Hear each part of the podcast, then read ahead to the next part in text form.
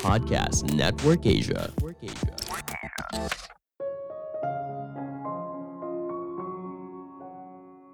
Keputusan yang rasional belum tentu keputusan terbaik. Keputusan berdasarkan intuisi bisa saja merupakan keputusan yang terbaik. Halo semuanya, nama saya Michael. Selamat datang di podcast saya, Sikutu Buku. Kali ini saya akan bahas buku How We Decide karya Jonah Lehrer. Sebagai informasi, podcast Sikutu Buku sekarang bergabung dengan Podcast Network Asia dan Podmetrics loh. Sebelum kita mulai, buat kalian yang mau support podcast ini agar terus berkarya, caranya gampang banget. Kalian cukup klik follow. Dukungan kalian membantu banget supaya kita bisa rutin posting dan bersama-sama belajar di podcast ini. Buku ini membahas bagaimana cara kita mengambil sebuah keputusan. Seringkali kita berpikir kalau proses sebuah pengambilan keputusan itu entah rasional atau emosional – namun ternyata tidak sesederhana itu. Keputusan terbaik merupakan gabungan sempurna antara rasional dan emosional. Lebih penting lagi, situasi yang berbeda membutuhkan bagian otak yang berbeda. Misalnya gini, ketika kita membeli rumah, lebih baik biarkan sisi emosional kita yang proses berbagai alternatif. Lain halnya ketika kamu memilih sebuah saham. Bergantung pada intuisi semata malah mendatangkan kerugian. Saya merangkumnya menjadi tiga hal penting dari buku ini. Pertama, mitos otak manusia. Sejak zaman Yunani kuno, banyak asumsi kalau manusia adalah makhluk yang rasional. Ketika kita membuat sebuah keputusan, kita seharusnya secara sadar menganalisa setiap alternatif dan dengan hati-hati mempertimbangkan pro dan kontra.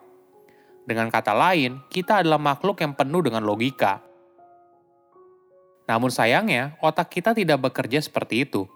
Setiap kali seseorang membuat sebuah keputusan, otaknya lalu dibanjiri oleh berbagai perasaan. Bahkan, ketika seseorang mencoba untuk bersikap masuk akal dan terkendali, impuls emosional ini diam-diam pengaruhi penilaian. Ada perumpamaan yang menarik. Otak kita ibaratnya berisi dua anak kecil yang berebut untuk duduk di dekat jendela saat perjalanan jauh. Dua anak itu adalah sisi otak kita yang rasional dan emosional. Seringkali kita selalu memberikan sisi rasional untuk duduk di dekat jendela, agar kita dianggap sebagai orang yang rasional. Namun, apakah kamu pernah merasakan ketika ada yang mengganjal sebelum kamu mengambil sebuah keputusan? Walaupun kamu sudah menganalisa setiap alternatif, pro dan kontra, tetap saja intuisi kamu merasa ada yang aneh. Ini adalah cara sisi emosional mempengaruhi penilaianmu. Jika digunakan dengan tepat, keputusan yang diambil berdasarkan intuisi justru merupakan keputusan yang paling ideal. Ada contoh yang menarik. Tom Brady merupakan pemain sepak bola Amerika profesional yang berada di bagian garis pertahanan. Seperti pemain lainnya, Tom membuat ratusan keputusan penting selama pertandingan namun, keputusan itu sangat sedikit jika dikategorikan sebagai keputusan yang rasional. Maksudnya seperti ini. Jika Tom hanya menggunakan logika saja, maka dia tidak akan mungkin melempar bola ke mana pun, karena ada resiko untuk direbut oleh tim lawan. Namun, dengan mengandalkan kemampuan intuisi yang telah dilatih selama ribuan jam, Tom mampu mengambil keputusan dengan cepat dan efisien. Hal yang sama juga terjadi bagi pilot ataupun pemadam kebakaran. Mereka terlatih untuk mengambil keputusan dalam hitungan detik atau bahkan sepersekian detik. Ini berasal dari intuisi yang telah diasah dalam waktu yang lama. Sebagai gambaran, proses berpikir membutuhkan perasaan, karena perasaanlah yang memungkinkan kita memahami semua informasi yang tidak dapat kita pahami secara langsung. Otak kita yang berhubungan dengan intuisi dan emosional telah dilatih selama puluhan ribu tahun untuk bertahan hidup.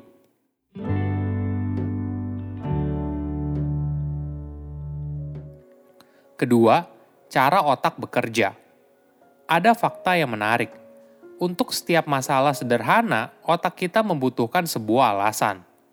Para ahli berpendapat manusia secara rata-rata hanya bisa memproses antara 5 hingga 9 bagian informasi berbeda dalam waktu yang sama. Dengan latihan dan pengalaman, tentu saja jumlah ini sedikit bertambah. Namun, jika jumlah informasi berbeda begitu banyak, sisi rasional otak kita jadi kewalahan, sehingga sisi emosional otak kita yang langsung mengambil alih. Sisi rasional otak kita jadi kewalahan, sehingga sisi emosional kita yang mengambil alih. Jadi, jika kamu ingin menggunakan sisi rasional, penting untuk mempersempit jumlah informasinya. Sebagai contoh, kamu ingin membeli sebuah alat pengupas sayuran di toko peralatan rumah tangga – Tentu saja akan ada banyak pilihan, mulai dari merek, ukuran, warna, hingga kegunaan. Informasi yang begitu banyak membuat kita kesulitan untuk memilih, sehingga pada akhirnya kita hanya memilih produk yang terasa oke. Okay. Tapi coba kita lihat lagi keputusan tersebut. Sebuah alat pengupas sayuran biasanya dibeli karena fungsinya saja, dan mungkin tidak kita gunakan sehari-hari. Jika itu faktanya, bagaimana kalau kita membuat sebuah keputusan hanya berdasarkan satu variabel saja yaitu harga? Di sebuah toko yang bagus, tentunya mereka tidak akan menjual jenis merek alat pengupas sayuran yang sekali pakai rusak. Minimal punya kualitas yang cukup.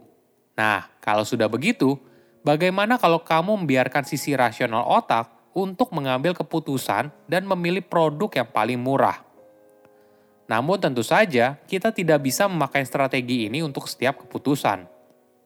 Cara ini bisa digunakan apabila kamu sudah mempersempit semua informasi dan hanya fokus ke beberapa bagian informasi yang krusial.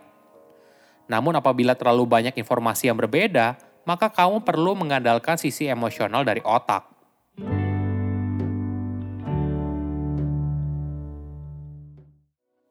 Ketiga, kehebatan sisi emosional cara otak kita bekerja sungguh menakjubkan.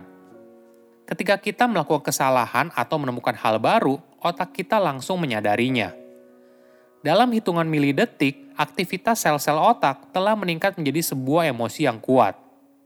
Hal ini lalu mendorong keputusan yang kita ambil, entah itu melawan atau kabur.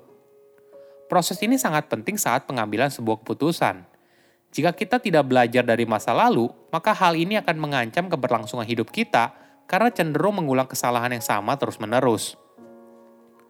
Kenapa sisi emosional otak kita begitu pintar? Salah satu andilnya karena adanya dopamin. Sebagai informasi, dopamin adalah hormon pengendali emosi yang dapat mempengaruhi berbagai aktivitas manusia dan berperan dalam membentuk sebuah intuisi. Jadi, setiap kali kita membuat keputusan yang tepat, hormon dopamin ini adalah hadiahnya. Seiring berjalannya waktu, Aktivitas ini yang melatih otak kita hingga akhirnya bisa terbentuk sebuah jalan pintas. Ketika ada sebuah kejadian di masa depan yang serupa, otak kita bisa langsung mengambil keputusan tanpa harus melakukan analisa panjang pro dan kontra. Ini adalah perasaan yang muncul ketika kita merasa ada yang aneh dalam sebuah kejadian. Bahkan ketika kita sulit menggambarkannya dengan kata-kata. Apakah kita harus bergantung pada intuisi di setiap keputusan besar? tergantung situasi dan apa keputusannya. Bagian emosional di otak kita bukan tanpa kelemahan. Pertama, bagian emosional otak kita tidak diprogram untuk melihat pola yang berbeda. Ingat, agar bagian emosional kita bekerja dengan baik, maka bagian tersebut akan mengulang sebuah pola terus-menerus, hingga nantinya sistem pengambilan keputusan berjalan otomatis. Namun, di sebuah kondisi yang sangat random, hal ini malah jadi bias. Itulah sebabnya, untuk situasi seperti di pasar saham, jika kita hanya berpegang pada bagian emosional otak, kita akan sering kali mengalami kerugian besar. Kedua, otak kita diprogram untuk menghindari kerugian. Otak kita cenderung menghindari kerugian daripada berusaha untuk menang. Tentu saja hal ini bisa dimaklumi. Coba bayangkan, seorang manusia purba melihat ada makanan, namun letak makanan itu ada di sarang singa. Biasanya, manusia purba itu tidak akan mengambil resiko untuk berusaha mengambil makanan tersebut. Inilah cara kerja otak sehingga kita bisa bertahan hidup hingga sekarang. Ketiga, efek dopamin. Hormon dopamin membuat otak kita menyukai hadiah jangka pendek dan mengesampingkan kerugian besar dalam jangka panjang. Inilah yang membuat kita sering kali susah untuk mengubah pola makan menjadi lebih sehat. Karena sebungkus burger lebih menarik saat ini daripada berat badan ideal beberapa bulan kemudian. Manusia punya dua sisi otak, rasional dan emosional. Tidak ada yang lebih hebat namun menggunakan sisi otak dalam situasi dan kondisi yang tepat akan menghasilkan keputusan terbaik. Saya undur diri, jangan lupa follow podcast Sikutu Buku. Bye-bye. Pandangan dan opini yang disampaikan oleh kreator podcast, host, dan tamu tidak mencerminkan kebijakan resmi dan bagian dari podcast Network Asia. Setiap konten yang disampaikan mereka di dalam podcast adalah opini mereka sendiri dan tidak bermaksud untuk merugikan agama, grup etnik, perkumpulan, organisasi, perusahaan, perorangan, atau siapa pun dan apa pun.